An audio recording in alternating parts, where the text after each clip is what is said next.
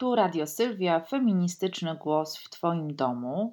Nadajemy raz w tygodniu na kanale YouTube oraz na różnych kanałach podcastowych i platformach takich jak Spotify, Breaker, Google Podcasts, Pocket Casts, Radio Public i Anchor. Bardzo dziękujemy za wszystkie miłe słowa. Ostatni odcinek dotyczący Patti Smith wzbudził entuzjazm. E, cieszę się, że kwestia czarownic, siwych włosów, rockmenek rozwalających z pasją gitary na scenie jest Wam bliska, tak jak i mnie. E, dziś chciałabym trochę wrócić do mm, fascynacji literackiej, chociaż e, te osoby, które słuchały mm, odcinka o Patti Smith, wiedzą, że i tam była również y, literatura. Zresztą chyba nie było podcastu, w którym nie powoływałabym się na książki. E, a dziś książka stanowi punkt główny i oś narracyjną moich różnych y, dywagacji dotyczących miasta i płci. Wybrałam Dziewczęta z Nowolipek y, Poli e, Gojawiczyńskiej jako taką książkę, która po pierwsze jest dla mnie szczególnie bliska, bo była inspiracją przy okazji pracy nad moją własną powieścią Cwaniary, która niedawno znowu ukazała się w wznowionej wersji w wydawnictwie Znak, można ją tam nadal kupić. E, ale też dlatego Dziewczęta z Dowolipek, bo to kilka bohaterek, które mm, Mieszkają w różnych miejscach, chociaż w jednej części e, miasta, a tym miastem jest Warszawa, a w ogóle to jest to czas e, międzywojenny, a w ogóle to są dziewczyny, które się przyjaźnią, mają różne przygody, muszą e, w jakiś sposób grać i z przestrzenią wspólną, i z przestrzenią miejską, właśnie, ale również swoim genderem i tym, kim są, jaka jest ich tożsamość na bardzo różnych poziomach i klasowym, i językowym, i ekonomicznym, e, no i właśnie płciowym. E, powieść Poli Gojawiczyńskiej publikowana była najpierw w odcinkach na łamach Gazety Polskiej, a następnie wydana w formie książkowej w 1935 roku. W ogóle to jest ciekawe, że od dłuższego czasu nie została wznowiona. E, my znamy e, tę opowieść również e, z ekranu i kinowego. Została dwukrotnie zekranizowana. Po raz pierwszy w 1937 roku przez Józefa Leitesa, a potem po raz drugi przez Barbarę Sasy w 1985 roku. I ta ekranizacja również zawiera w sobie kontynuację Dziewcząt z Nowolipek, którą Gojawiczyńska napisała, mianowicie Rajską Jabłoń. E, obie te książki funkcjonują e, pod określeniem Dylogia Warszawska. E, jeśli nie pamiętacie, co się działo z Kwiryną, Amelką, Cechną, Janką, Bronką i Franią, to koniecznie sobie przypomnijcie. Jak już mówiłam wcześniej, nie zostało to ostatnio jakoś chyba z, z, podobnie wydane, a przynajmniej ja nic o tym nie wiem. Można za to zobaczyć te filmy o których wspomniałam wcześniej e, w gdzieś tam odmętach internetu. Dziewczyny z Nowolipek, Girl Club e, stanowi dla mnie, jak już powiedziałam wcześniej, inspirację. Inspiracją są nie tylko ich przygody, ich tożsamość, ale również opisy, które Gojawiczyńska zamieściła w swojej powieści, jak choćby ten, który pochodzi tak naprawdę z wypracowania, które Frania przygotowała do szkoły w ramach ćwiczeń stylistycznych. I była to historia o oknach, pozwólcie, że ją przypomnę. O oknach o zmierzchu. Jakiś człowiek idzie pustą ulicą, jest samotny, a tu zapalają się światła w oknach. Tu siedzi rodzina przy stole, tu pani z panem czytają książki, tu dzieci uczą się lekcji. Najrozmaitsze okna, najrozmaitsze światła, nawet światła świec w srebrnych lichtarzach, okna jasne i tajemnicze. Są tu i okna z żółtymi zasłonami, okna cukiernikaca, ale na samym końcu ulicy jest okno ciemne, opuszczone, bez firanek i kwiatów. Człowiek staje tam, stoi i czeka długo. Stoi bez końca, nikt nie zapala światła. Wreszcie podchodzi blisko, wspiera się ramionami o gzyms, przytyka czoło do szyby. Widzi tylko niezgłębioną ciemność, tam jest mrok. E, okno jako symbol, okno jako przejście między światem wewnętrznym a zewnętrznym, między przestrzenią prywatną, rodzinną, a przestrzenią publiczną, w tym wypadku miejską, jest eksplorowane Mm, jako taka swoista rama e, i czy kadr niemal malarski e, i wykorzystywane w interpretacjach między innymi e, tekstów dotyczących zagłady, profesor Jacek Lociak się tym zajmował. Okna to również inspiracja dla wielu artystów i artystek wizualnych, aby właśnie pokazać to napięcie między nami prywatnymi, a nami na pokaz, a nami do ludzi i wydaje mi się, że przestrzeń miejska w dużej mierze, właśnie dlatego, że e, oparta jest e, na wszelkich e, napięciach międzyludzkich ze względu na, na jej możliwości i tak naprawdę przepustowość, tak można by powiedzieć, stanowi też pole różnego rodzaju negocjacji. I te negocjacje mogą być różne. Ja oczywiście zajmę się dziś tematem płci kulturowej E, i prawie do miasta, o którym e, David Harvey pisał, że jest czymś o wiele szerszym niż prawo dostępu jednostki lub grupy do zasobów, które zawiera miasto. Prawo do miasta jest prawem do zmiany, wynajdywania miasta na nowo takim, jakim go pragniemy. Jest też, co więcej, prawem bardziej kolektywnym niż indywidualnym, ponieważ wynajdywanie miasta na nowo w sposób nieunikniony zależy od sprawowania kolektywnej władzy nad procesami urbanizacji. Wolność do tworzenia i przekształcania samych siebie i naszych miast jest, chcę to podkreślić, jednym z najcenniejszych i jednocześnie najbardziej lekceważonych pośród praw człowieka.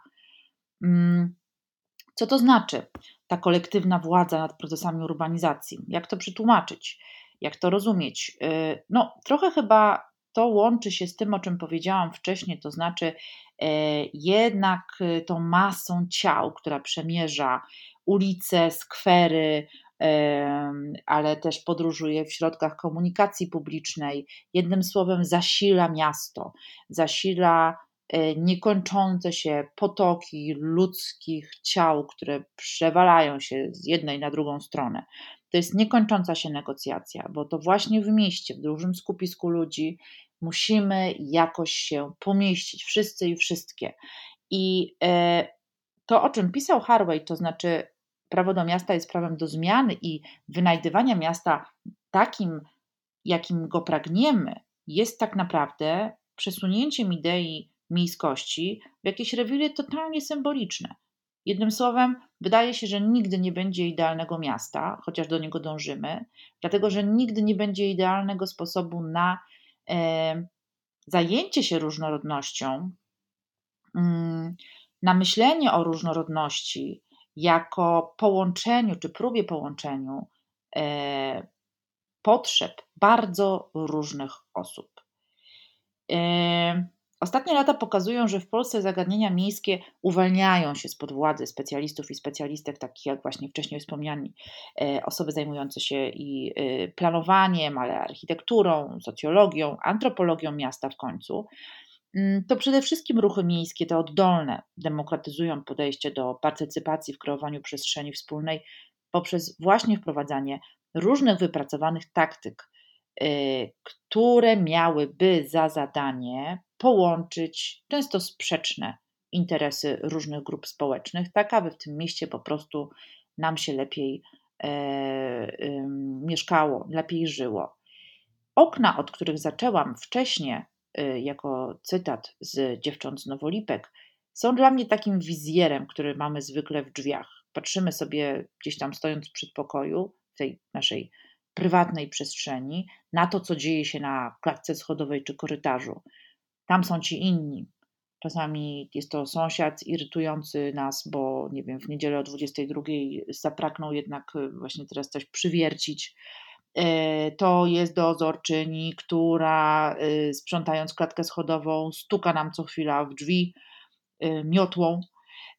To w końcu irytujący pies, który ciągle szczeka trzy piętra niżej, albo dzieciaki, które zbiegają ze schodów, goniąc się i robiąc z nich plac zabaw.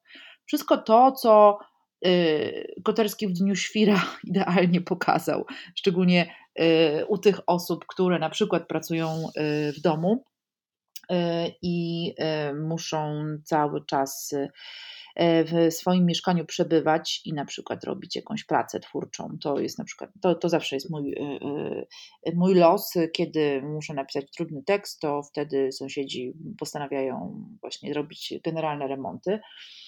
Mm, ale to przestrzenie, które są takie, no właśnie z napięciem prywatnego i, i publicznego.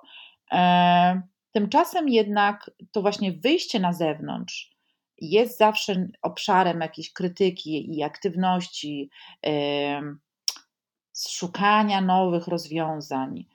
E, w końcu to planowanie przestrzenne dotyczy szerokiego spektrum ludzkich aktywności i potrzeb, takich jak zatrudnienie, mieszkanie, o którym właśnie powiedziałam, no ale też ogólnodostępne przestrzenie rekreacji, konsumpcji, transport, ochrona środowiska, e, wreszcie miejsca pracy.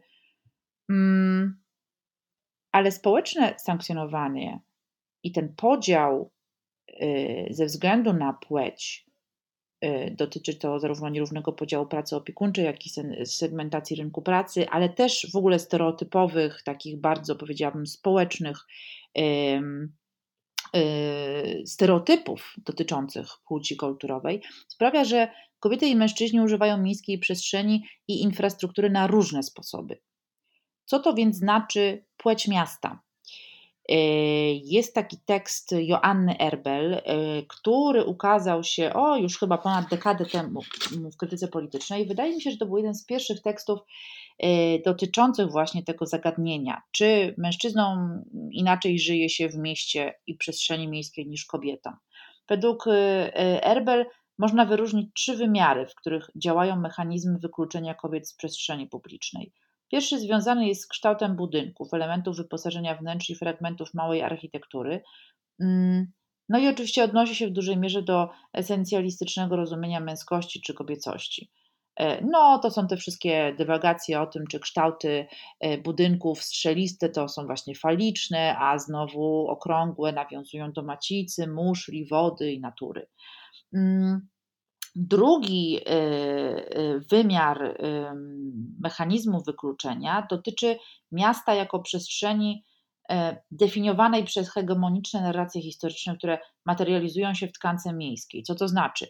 Zbyt mało nadal jest ulic e, poświęconych y, e, kobietom, które na przykład działały w danym mieście, albo po prostu były w jakiś inny sposób y, zapisane w historii, na przykład kraju, to nadal zbyt mało pomników, e, tablic na fasadach, które upamiętniają kobiety, to nadal zbyt mało działań aktywistycznych e, skupiających się na hair story. E, I wreszcie to przede wszystkim bardzo niska, słaba identyfikacja kobiet związanych z danymi regionami. To wszystko dlatego, że te wielkie narracje historyczne, o których pisze Erbel, trochę zjadają y, na przykład pracę społeczną, filantropijną, y, ale też pracę klasztorów, e, która przez dekady, jak nie stulecia, e, stanowiła jedną z podstaw aktywności społecznej kobiet, bo tylko na taką mogły sobie pozwolić, bo na przykład nie mogły spełniać się jako obywatelki, gdyż praw obywatelskich nie miały. Trzeci rodzaj i trzeci wymiar mm, mechanizmu wykluczenia według Erbel to, mm, y, to jest taki wymiar przestrzeni praktyk życia codziennego, e, który pomija kwestie płci biologicznej i wskazuje na czynności, które kulturowo uznawane są za męskie albo za kobiece. Jednym słowem, e, to kwestia na przykład barier architektonicznych, które nie tylko są e, niemal nie do przeskoczenia, na przykład e, dla młodych matek z małymi dziećmi w wózkach, ale również są trudne dla innych grup społecznych, na przykład osób zależnych, które mają trudności w poruszaniu się, albo osób starszych. Ale to również takie myślenie o mm, projektowaniu miasta, które oddala na przykład różne części ważne dla siebie i jednocześnie burzy logistykę życia codziennego. E, to jest to sławne odejście od y, y, pracowego myślenia, gdzie w jednym miejscu można znaleźć szkołę, żłobek, y, sklep, pocztę i tak na rzecz rozparcelowania tego w, na dużej przestrzeni, tak aby Niestety mogły korzystać z tego tylko te osoby, które na przykład mogą poruszać się samochodem, bądź też przemieszczają się po mieście w, do pracy zawodowej. Mm, te trzy rodzaje y, wykluczenia pokazują też różne możliwości i różne też oczekiwania poszczególnych grup, y, w tym wypadku w poszczególnych płci, dotyczących tego w ogóle, czym ma być miasto i po co ono ma być. E, w 2000 nie, w 2012 roku, tak, w ramach projektu Miasto Oczami Kobiet, realizowanego w Warszawie przez y, Fundację Mama, którą współprowadziłam, E, powstały w ramach projektu e, właśnie rekomendacje, które były kierowane do osób zajmujących się architekturą, projektowaniem przestrzennym, urbanistyką, ale również do deweloperów czy deweloperek, członkini wspólnot, spółdzielni mieszkaniowych, grup urzędników, władz miejskich. Słowem, dla do wszystkich tych, którzy mają jakąkolwiek władzę i wpływ na to, jak wyglądają nasze miasta. I te rekomendacje były wypracowanym elementem e, mm, e, takich warsztatów, które odbywały się przez kilka miesięcy, e, które mm, pokazały bardzo podobne wyniki, na które zwróciła uwagę Joanna Erber. To znaczy mówiły o trzech poziomach genderowej interpretacji. Mm, I były to płaszczyzny infrastrukturalne, czyli te bariery architektoniczne, mentalne, dotyczące kwestii kultury i stereotypów, ale również bezpieczeństwa, co jest tutaj bardzo ważnym elementem, i symboliczne, dotyczące właśnie historii, herstory, pamięci, podtrzymywania jej w przestrzeni publicznej. E, ta kwestia bezpieczeństwa, o której nie wspomina e, Erbel, e, jest bardzo też ciekawa, ponieważ pokazuje, że kobiety w inny sposób podchodzą i postrzegają przestrzeń miejską. E, kilka lat temu uczestniczyłam w takim audycie w warszawskim e, śródmieściu, gdzie wieczorem z grupą kobiet reprezentującą bardzo też właśnie różne grupy społeczne z różnymi potrzebami, e, wybrałyśmy się na spacer i zobaczyłyśmy, w jaki sposób postrzegamy przestrzeń ścisłego centrum dużego miasta jak bardzo zwracamy uwagę na to, gdzie jest latarnia, a gdzie jest ciemno, gdzie jest otwarta brama, e, gdzie jest przestrzeń na przykład wzdłuż długiego płotu czy muru, e, e, która nie pozwala w razie czego schronić się, jest jakby takim no, wybiegiem, na, na którym jesteśmy na celowniku.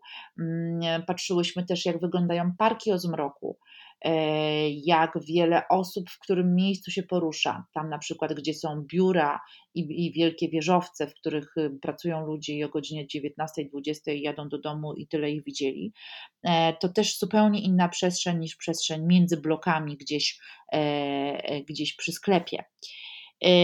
To pokazało te napięcia dotyczące y, postrzegania bezpieczeństwa, opierające się w dużej mierze na własnym doświadczeniu i przeczuciu, E, I jakkolwiek możemy oczywiście zebrać taką grupę audytywną i na jej przykładzie i jej doświadczeń próbować y, zmieniać przestrzeń, bądź też zastanawiać się, jak ona powinna wyglądać, o tyle w dużej mierze to opieranie się na własnym doświadczeniu jest zawsze mniej lub bardziej no, trudne do uchwycenia, bo opiera się na tym, co nam się wydaje, e, jakie mamy właśnie emocje związane z tym, e, jakie mamy lęki, ale mamy, jakie mamy również doświadczenia bądź e, trudne przeżycia na ten temat.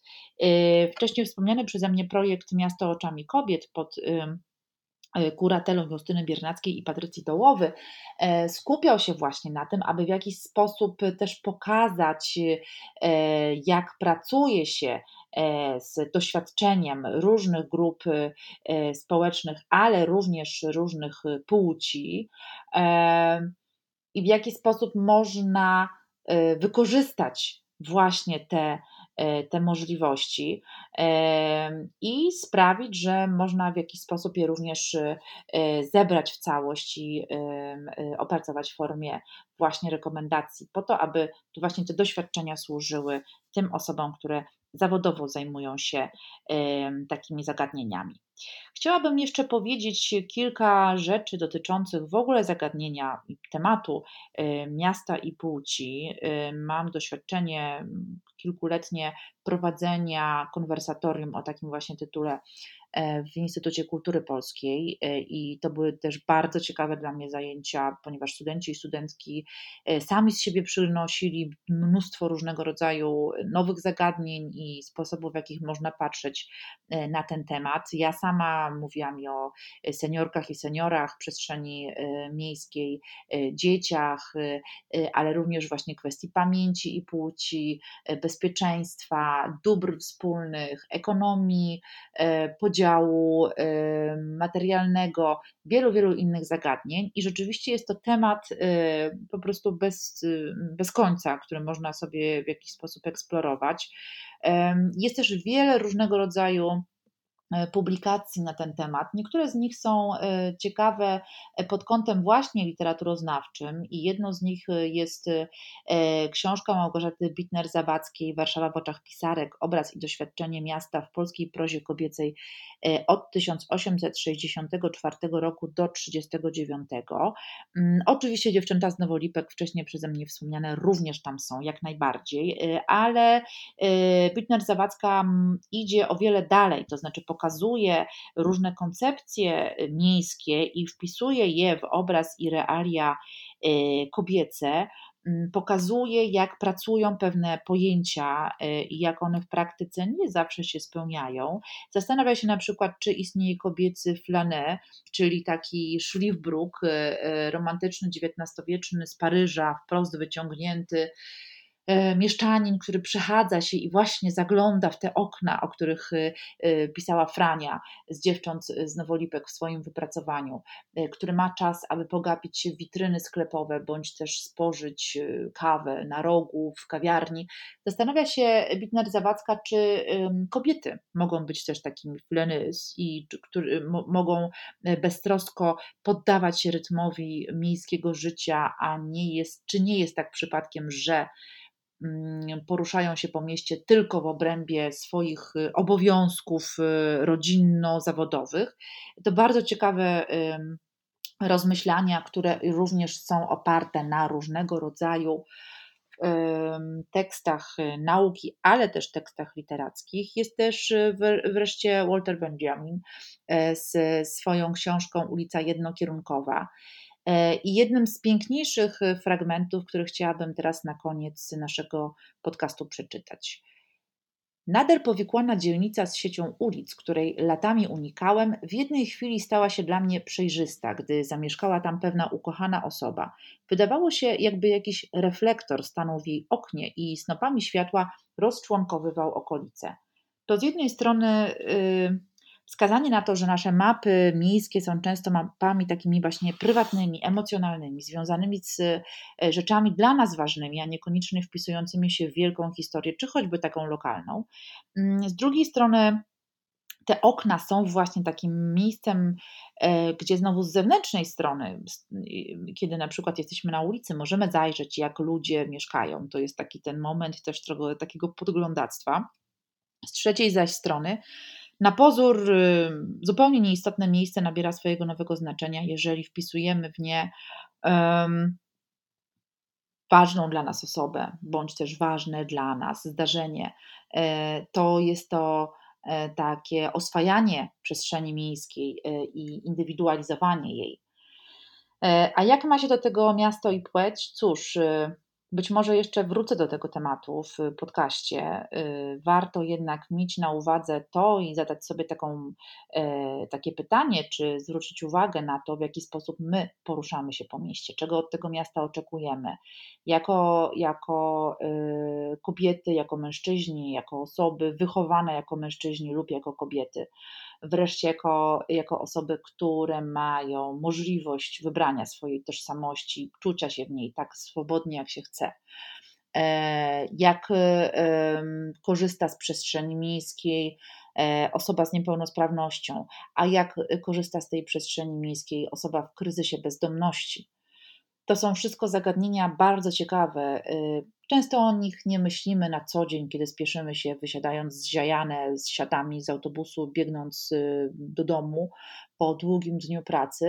Y, a są to sprawy, które tak naprawdę, choć pozornie przezroczyste, a to dlatego, że w dużej mierze osadzone w naszej codzienności, Kiedy tak się je wszystkie zgromadzi, to sprawiają, że mają bardzo duży wpływ na jakość naszego życia, a szczególnie w dużych skupiskach to jest ważne, bo te trudności też z wyrażaniem swojej tożsamości, ale też z mieszczeniem jej e, e, przy innych tożsamościach, innych grup społecznych jest szczególnie ważne.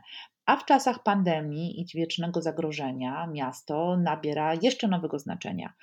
Jest ten społeczny dystans, który musimy zachować, jest też skupisko ludzi, od którego odgradzamy się maseczkami albo dezynfekcją rąk. E, nagle okazuje się, że my wszyscy i wszystkie jesteśmy no, narażeni, narażone w tej przestrzeni wspólnej na e, różnego rodzaju choroby i wirusy. Co z tym robimy i w jaki sposób miasto gra właśnie takimi e, specjalnymi alertami, na przykład zdrowotnymi, to również bardzo ciekawe zagadnienie.